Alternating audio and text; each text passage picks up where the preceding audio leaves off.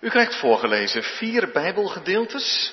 Johannes 16, Romeinen 8, 1 Corinthians 12 en Galaten 5, maar niet hele hoofdstukken, maar gedeeltes daarvan en die kunt u op het scherm zien.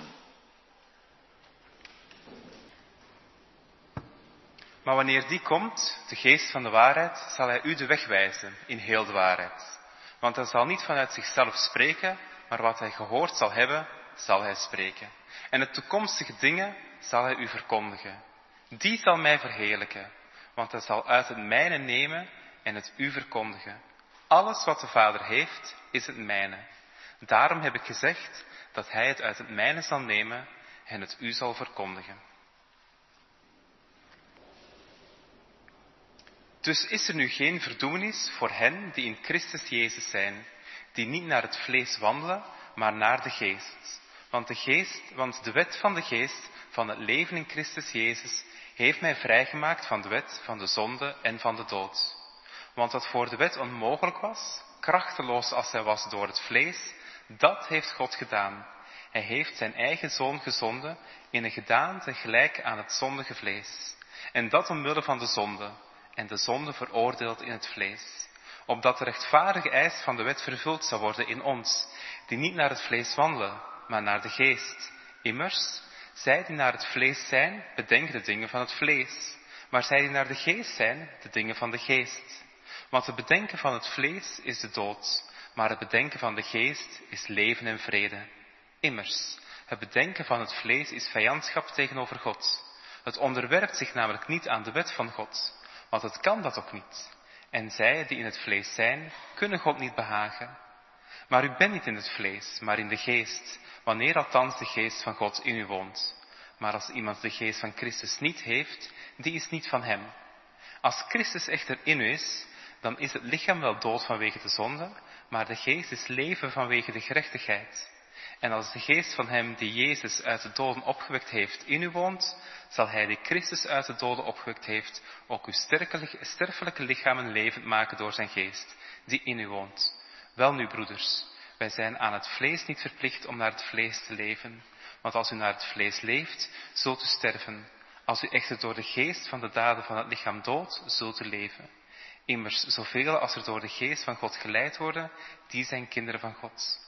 Want u hebt niet de geest van slavernij ontvangen, die opnieuw tot angst leidt, maar u hebt de geest van aanneming tot kinderen ontvangen, door wie wij roepen, Abba Vader. De geest zelf getuigt met onze geest, dat wij kinderen van God zijn. En als wij kinderen zijn, dan zijn wij ook erfgenamen. Erfgenamen van God en mede-erfgenamen van Christus, wanneer we althans met Hem lijden, opdat wij ook met Hem verheerlijkt worden. Wat nu de geestelijke gaven betreft, broeders, wil ik, u, wil ik niet dat u onwetend bent. U weet dat u heiden was, weggetrokken naar de stomme afgoden. Zo liet u zich meevoeren. Daarom maak ik u bekend dat niemand die door de geest van God spreekt, zegt, Jezus is een vervloekte. Ook kan niemand zeggen, Jezus is Heere, dan door de Heilige Geest. Er is verscheidenheid van genadegaven, maar het is dezelfde Geest. Er is verscheidenheid van bedieningen, maar het is dezelfde Heere. Er is verscheidenheid van werkingen, maar het is dezelfde God die alles in allen werkt. Aan ieder echter wordt de openbaring van de geest gegeven tot wat nuttig is voor de ander. Want aan de een wordt de geest een woord, want aan de wordt door de geest een woord van wijsheid gegeven en aan de ander een woord van kennis door dezelfde geest en aan een ander geloof door dezelfde geest en aan een ander genadegave van genezingen door dezelfde geest. En aan een ander werkingen van krachten en aan een ander profetie en aan, de, en aan een ander het onderscheiden van geesten en aan een ander allerlei talen en aan een ander uitleg van talen. Al deze dingen echter werkt één en dezelfde geest, die aan ieder afzonderlijk uitdeelt zoals hij wil.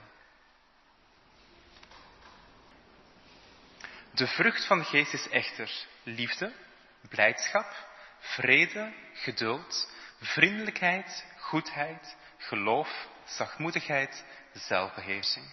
Daartegen richtte de wet zich niet. Maar wie van Christus zijn, hebben het vlees met zijn hartstochten en begeerten gekruisigd. Als wij door de geest leven, laten wij dan ook door de geest wandelen. Laten wij geen mensen met eigendunk worden, elkaar niet uitdagen en benijden. Gemeente van onze Heer Jezus Christus, wat gelooft u, wat geloof jij van de Heilige Geest? Hoe is de Heilige Geest in u, in jou werkzaam? Merk je daar iets van? Wat doet de Heilige Geest dan precies? We lezen in de Bijbel over de kracht van de Heilige Geest. We lezen over de troost van de Heilige Geest. Over geleid worden door de Heilige Geest. We lezen over de vervulling met de Heilige Geest en de vrucht van de Geest. En dat alles raakt ons mensen zoals we zijn. Niet alleen ons gevoel, maar dat ook. Het raakt vooral ons hart, ons hele wezen. We vieren vandaag Pinksteren. Een helsfeit. Eens is de Heilige Geest uitgestort. En God gaf daar tekenen bij, opdat er geen misverstand over zou bestaan. De belofte van Joël en vele andere profeten ging in vervulling. En de eindtijd brak aan. En de Geest als gave van de eindtijd werd geschonken. De Geest die ons voordoet gaan. De lijn van koninkrijk verlangend naar de volledige doorbraak ervan. Hoe werkt dat door in ons leven? Hoe werkt de Geest in de kerk en in ons persoonlijk leven? Daarover gaat het in deze dienst onder het thema Ik geloof in de Heilige Geest. Waar te beginnen? Laten we daar beginnen, wat vaak het liefste werk van de Heilige Geest is genoemd. Want we moeten wat focussen, want de Heilige Geest doet heel veel. De Heilige Geest is er niet pas sinds Pinksteren. We lezen bij de schepping al dat de Geest van God zweefde over de wateren. De schepping staat niet los van het werk van de Heilige Geest. We lezen in het Oude Testament bijvoorbeeld in Psalm 104 dat de Heilige Geest alles te maken heeft met het groen wat je nu buiten ziet. Dat als de geest van God over de aarde gaat, dat alles vernieuwt. De geest en de seizoenen en de schepping. We lezen dat de geest een geest van wijsheid is en ook van kunstenaars. Omdat we lezen over Bezalian en Aholiab, de bouwers en de makers van de zeer kunstzinnige tabernakel, met alle figuren erbij. Het is niet echt een heel functioneel, ja ook, gebouw geweest, maar rijk aan uh, versieringen. Dat het de Heilige Geest was, de Geest was die hen daartoe bekwaam maakte. Heel vaak denken we eerst de Heer Jezus en dan de Heilige Geest. Maar was het niet de Heilige Geest die over Maria kwam, waardoor de menswording toebereid werd? En dat ze zo zwanger werd. En dat de Heilige Geest op hem neerdaalde bij zijn doop en hem leidde. Wie is er nou eerder, Jezus of de Geest? Fascinerende gedachte, nietwaar? De Geest is de Geest van de kerk. De geest geeft gaven voor zijn gemeente, de gaven van de geest. En heeft de geest ook niet iets te maken met heel de geschiedenis van deze wereld? Dat, zijn, is niet het makkelijkste onderdeel van de leer van de Heilige Geest. Hoe hij zich verhoudt tot de schepping op dit moment en zelfs tot de wereldgeschiedenis. Als hij enerzijds leiding geeft aan heel de wereldgeschiedenis, maar juist de geest aan de gelovigen als onderpand, voorproefje, verzekering gegeven is tot de dag van de verlossing. Duidelijk is, het werk van de Heilige Geest is zeer veel omvattend. Ik noemde net even het liefste werk van de Heilige Geest. Dat is altijd wat hachelijk om dat zo te zeggen. Wie zijn wij dat we daaruit kunnen kiezen? En toch, als de Heer Jezus spreekt over de trooster die zal komen, dan zegt de Heer Jezus, Hij zal het uit het mijne nemen en het u verkondigen.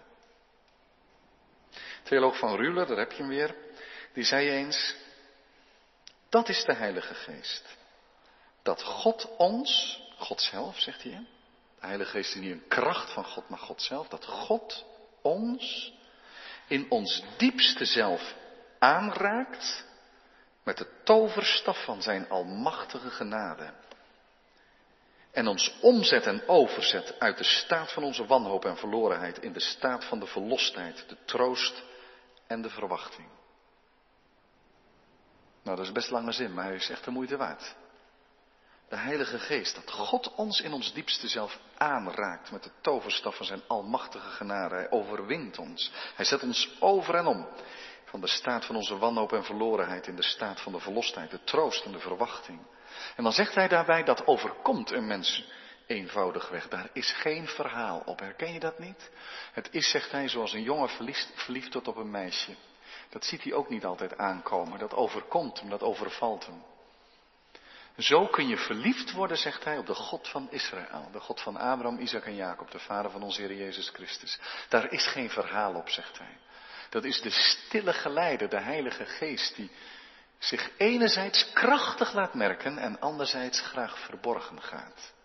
Maar je brengt tot overgave aan de Heer Jezus Christus. Tot verliefdheid op de God van Israël. We hebben het over het vernieuwende, levenwekkende werk van de Heilige Geest. Onze geloofslijns, de apostolische althans, is heel kort. Ik geloof in de Heilige Geest. Als je Nicea bekijkt, afgerond werd in 381, dan staat daar, wij geloven in God, de Heilige Geest, die Heere is en levend maakt. Die Heere is, net zoals Jezus, net zoals God. En hij maakt levend. Dus de geest doet wat wij mensen absoluut niet kunnen. Mensen overtuigen. Ervoor zorgt dat mensen niet meer tegen God inpraten, maar God gelijk geven. Eigenlijk zou je kunnen zeggen, dat is wat de Heilige Geest doet. In ons leven en gelukkig ook in het leven van anderen. Dat je voor God als het ware komt en Hem niet meer tegenspreekt en zegt wat u over deze wereld zegt, en de verlorenheid van de wereld, dat stem ik toe. Wat u over mijn leven zegt en mijn verlorenheid, dat stem ik toe. Je gaat God gelijk geven in zijn oordelen. En je gaat God gelijk geven in zijn evangelie. Niet dat je het zelf had kunnen bedenken, maar dat je toestemt. Dat je het omarmt. En dan komt er levensvernieuwende verandering in je leven. Zo ingrijpend dat de Bijbel, dat de Heer Jezus daarover spreekt in termen als opnieuw geboren worden. Niet uit onze oude geboorte zoals we zijn, maar een totaal nieuwe geboorte van God vandaan. Alleen zo kunnen wij het koninkrijk van God binnengaan. En daarom mogen we ook altijd hoop hebben voor mensen. Mensen die onbereikbaar voor ons zijn, waar we ons totaal machteloos bij voelen, dat moeten we ons ook maar voelen bij alle mensen. Maar de geest kan er doorheen breken. Zachtjes maar indringend. Onweerstaanbaar. De geest vindt er vreugde in dat mensen Jezus Christus leren kennen. Dus het gaat er in de leer van de Heilige Geest niet allereerst om wat je van Hem kan ervaren, voelen aan kracht, aan geloofservaring. Dat mag er zeker wel bij komen, maar dat is er niet de kern van. Want zou je kunnen zeggen, de Heilige Geest vraagt maar weinig aandacht voor zichzelf. We lazen uit Johannes 16, hij zal niet vanuit zichzelf spreken. Maar wat hij gehoord zal hebben, zal hij spreken. Die zal mij verheerlijken, zegt Jezus, want hij zal het uit het mijne nemen en het u verkondigen. Dat is heel belangrijk. De Heilige Geest trekt en stuurt en leidt, vaak heel verborgen. Zo verborgen dat Jezus in Johannes 3 zegt dat hij als de wind is. Die is zo moeilijk te traceren. Maar je hoort het geluid, je ziet het aan de ritselingen van de bomen en het blad. Je merkt het. Geest werkt verborgen, maar je ziet iets van de vrucht. De geest trekt en stuurt en stuwt naar Christus. En daarom is de Heilige Geest ook wel, en deze uitdrukking is puur bedoeld om te denken te geven, wel eens genoemd de meest bescheiden persoon van de Vader, de Zoon en de Heilige Geest.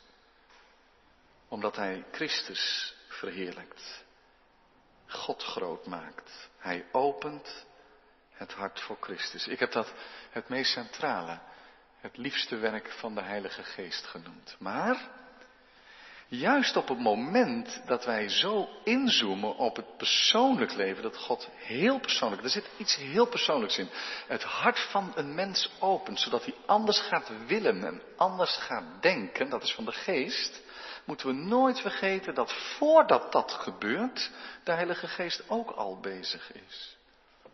Niet pas als ik mijn hart open doe en God gelijk geef, maar ook als het evangelie gepreekt wordt, is dat van de Heilige Geest. En de kerk waar je in leert geloven is van de Heilige Geest. En de opvoeding is instrument in de handen van de Heilige Geest. En de zending is van de Heilige Geest. Het wonder dat ook hier het evangelie terechtgekomen is, is van de Geest. Dat alles is erop gericht dat de Heilige Geest dat wat Christus verdiend heeft, waartoe de Vader hem gezonden heeft, de Heilige Geest dat gaat toepassen in de wereld en in harten van mensen. Mensen winnen voor Jezus Christus. En daar hoort niet alleen aan de voorkant veel bij. Dat het begint met Pinkster en de zending en de prediking enzovoorts en de gemeente en dan bij je eigen hart komt. Maar ook daarna hoort daar heel veel bij. Alles wat daarna komt. Mensen komen tot geloof.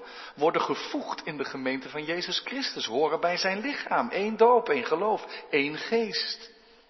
En zij komen tot vernieuwing, tot levensheiliging. En dan is daar de kerk. Dan is daar de vergeving. Dan is daar het ambt. En dan loopt dat alles uit op de voleinding. Daarom wijs ik nog maar even op de trinitarische structuur van de apostolische geloofsbelijdenis. Dat die in drie delen uiteenvalt. In de Vader en onze schepping, in de Zoon en onze verlossing en in de Heilige Geest en de vernieuwing. Onze persoonlijke heiliging, maar dat niet alleen. Want je zou kunnen zeggen, ja dat artikel 8, dat is toch eigenlijk veel te kort. Ik geloof in de Heilige Geest en daarmee is het alweer klaar. Komt de Heilige Geest er dan niet bekijkt van af? Nu, er is ongetwijfeld meer over te zeggen.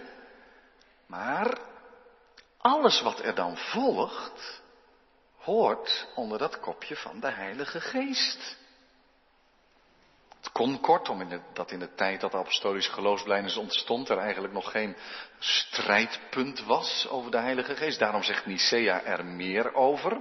Die Here is een levend maakt, omdat er ja, tussen 325 en 381 nog een hele strijd is geweest rondom de leer van de Heilige Geest, de pneumatomachen, de geestbestrijders, en dat moest uh, in een beleidenis terechtkomen dat de Heilige Geest ook God was, 381, dan dus meer woorden om de dwaling te bestrijden. Maar de apostolische geloofslijnen zouden het eenvoudig, ik geloof in de Heilige Geest, maar alles wat er dan volgt over die kerk en over de vergeving en over het eeuwige leven, dat hoort allemaal bij de leer van de Heilige Geest. Want het is de Heilige Geest die dat werk van de Vader, de Zoon verheerlijken gaat. De schepping gaat herstellen in de voleinding en mensen vernieuwt tot die voleinding. Sommigen hebben wel gezegd, de Heilige Geest, dat is God in actie. En dat is dan bedoeld om aan te geven, het is niet maar de kracht van God, maar God zelf komt om in mensen te wonen en de wereld te vernieuwen. Onbegrijpelijk diepe gedachte. Dat de eeuwige God woning wil maken in onze harten. Hij komt, zei iemand eens, ons nog meer nabij dan in de Heer Jezus Christus toen Hij onder ons woonde. Hij woont in ons. Dus de geest brengt tot geloof, hij lokt, trekt, is de stille verleider en geleider. Dat doet hij ook door te ontmaskeren. We zouden misschien Johannes 16 nog iets eerder kunnen gaan lezen, waar staat dat de geest de maskers van mensen aftrekt en de wereld overtuigt van zonde, gerechtigheid en oordeel en dat ze zich vergissen als ze Jezus afwijzen en je gaat God gelijk geven. Maar dan houdt de Heilige Geest niet op. Hij gaat door in ons leven, ook met de levensheiliging. Dan spreken wij over de vrucht van de Geest. Je leest daarover in dat machtige hoofdstuk, Romeinen 8. Maar ook in, over het leven door de geest, maar ook in Galaten 5. De strijd tussen vlees en geest. Van Rude nog eens, die zegt, en hij heeft het dan in zijn gedachten over de tijd na de Tweede Wereldoorlog, waar er enorme krapte was op de huizenmarkt. Dat is vandaag wel weer een beetje zo, maar nog lang niet zoals toen. Maar heel veel mensen toen moesten inwonen. Je moest uh, wegens gebrek aan huizen, moest je je huis beschikbaar stellen, vaak voor je eigen kinderen natuurlijk, die trouwden wel, maar konden geen woning vinden, die woonden bij je in, of andere mensen, die kwamen in je huis wonen, dat is inwoning. Nu zegt Van Ruler, dan moet ik altijd denken aan de Heilige Geest. Want als de Heilige Geest bij ons inkomt wonen, dan geeft dat net zoveel wrijving als dat er van die vreemde mensen in je huis komen wonen en het allemaal erg ongemakkelijk is. Want als de Heilige Geest in je hart komt wonen, dan gaat het wrijving geven. Dan krijg je een strijd van binnen. Want je moet inschikken en dat doen we nou eenmaal niet zo graag. Dan komt de Heilige Geest wel in je hart, maar dat betekent dat je oude mens moet sterven. En al die verlangens naar de zonde moeten sterven. En zo gaat de Heilige Geest zijn vrucht leggen in je hart en leven. De vrucht van de geest, zoals Galaten 5 zegt. Liefde, blijdschap, vrede en dan die achtvoudige vrucht. Vrucht, we zeggen bewust vaak enkelvoud. Want ze zijn nooit los verkrijgbaar. Blijdschap staat nooit los van het geloof. En de zelfbeheersing, Niet van de goedheid. Je kunt niet zeggen, nou, het geloof en de liefde heb ik wel, maar de zelfbeheersing niet. Het hangt alles met elkaar samen. Het is belangrijk dat we er iets van herkennen in ons leven, al is het inderdaad een strijd. En kunnen we ook wel eens moedeloos worden en denken, het lijkt wel alsof, alsof mijn vlees nog overwinningen behaalt, mijn zondige neigingen. En toch is het belangrijk iets te herkennen van de krachtige werking van de Heilige Geest. Denk aan Romeinen 8, het hoofdstuk waarvan we 17 versen hebben gelezen. Zoveel als er door de geest van God geleid worden, die zijn kinderen van God. Want het vlees begeert tegen de geest, zei Paulus al in gelaten 5. En de Romeinen 8 zie je dat ook. We zijn niet meer verplicht om naar het vlees te leven, maar door de geest die ons geen slaven maakt, maar kinderen van God. Waardoor wij roepen met vrijmoedigheid en tegelijk met een diep verlangen en vanuit de nood. Abba, Vader, u bent onze Vader.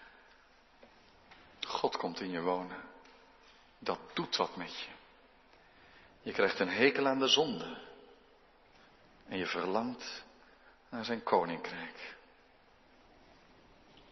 De vrucht van de geest. Is de vernieuwing dan de vrucht? Maar dan lees je ook veel over de vervulling met de Heilige Geest. Denk aan het boek Handelingen.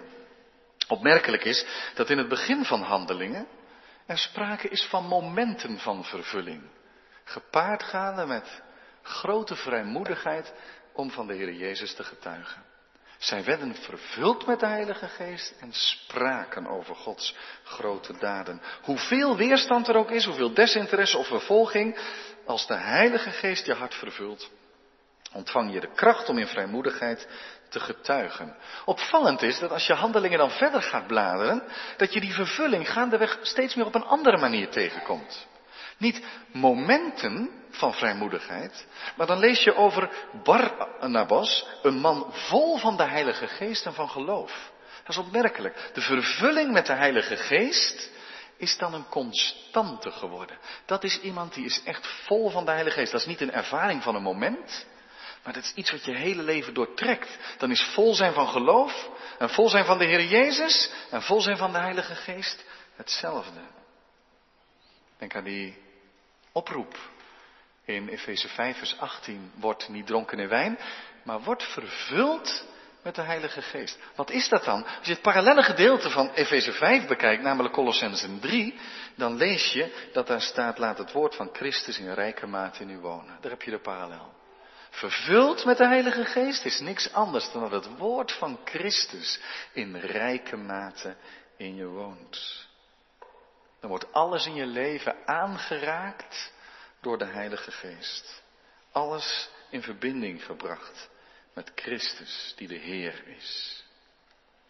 Ik zou telkens even kunnen stoppen en te vragen, herken je dat? Want de Geest doet iets en verandert iets in je leven. Komt heimwee, zou je kunnen zeggen, verlangen. Heb je de Geest ontvangen?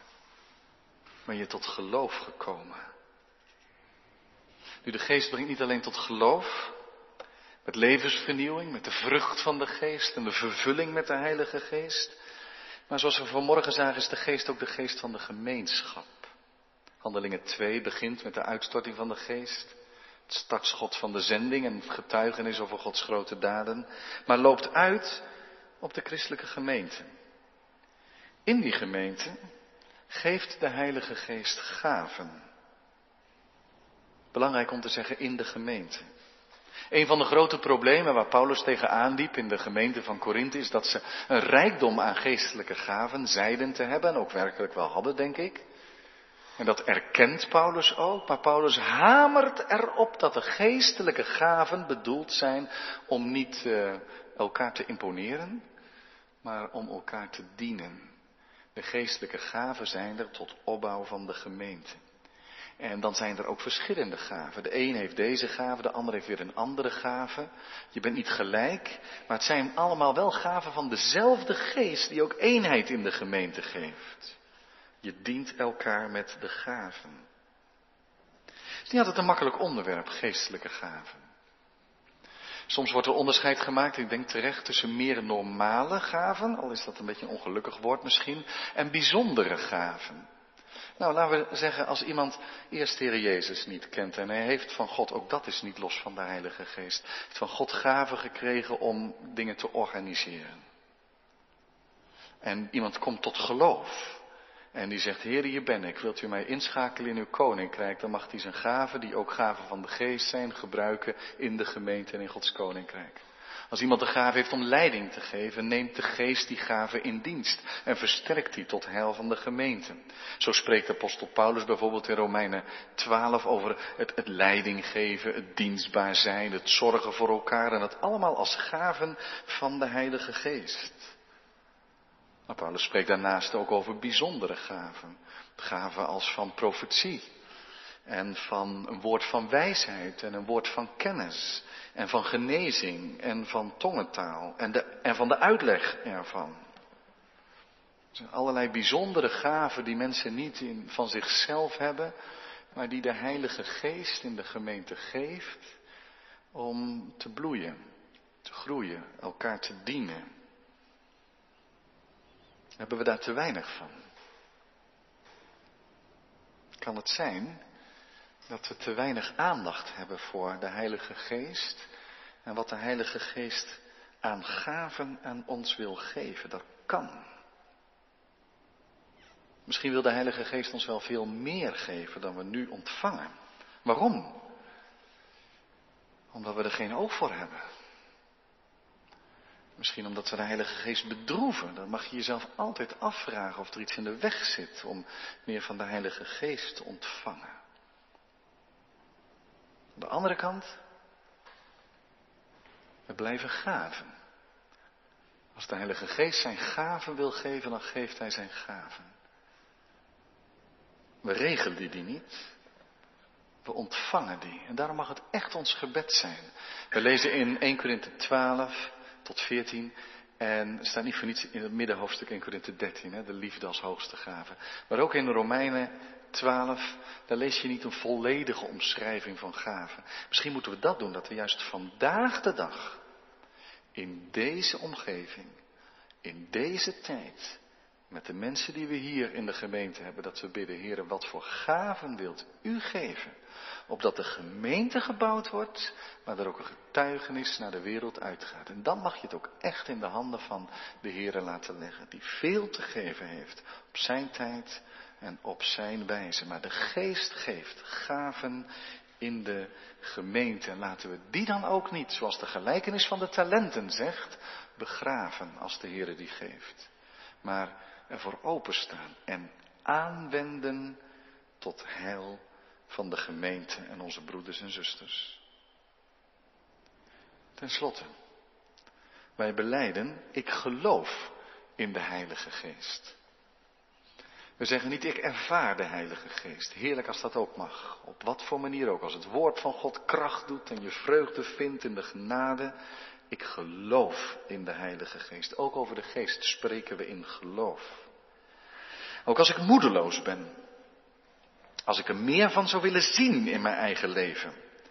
En het leven van anderen. Werkt u nog wel, Heilige Geest? Ik geloof. Dat geeft moed, hoop en verwachting voor de gemeente en voor Christus Kerk. De kerk is niet ons project, onze uitvinding, de gemeente ook niet. De kerk is van Christus en staat onder de leiding van de Geest. Dat geloven wij. En telkens, als ik uh, klaar ben met preken, dan gaat er heel vaak door mijn hoofd, nadat ik amen heb gezegd, ik geloof in de Heilige Geest. Ook als ik wel eens denk dat ik er niet zoveel van gebakken heb. Dan kun je vrolijk, zei ze iemand, de kansel af en naar huis gaan. De geest werkt door, maar dat geldt ook voor uw opvoeding. Dat geldt ook voor je getuigenis in deze wereld. Dat geldt voor alle momenten dat je staat en zegt, ik heb veel te weinig in mijn eigen handen. Ik geloof in de Heilige Geest. Amen.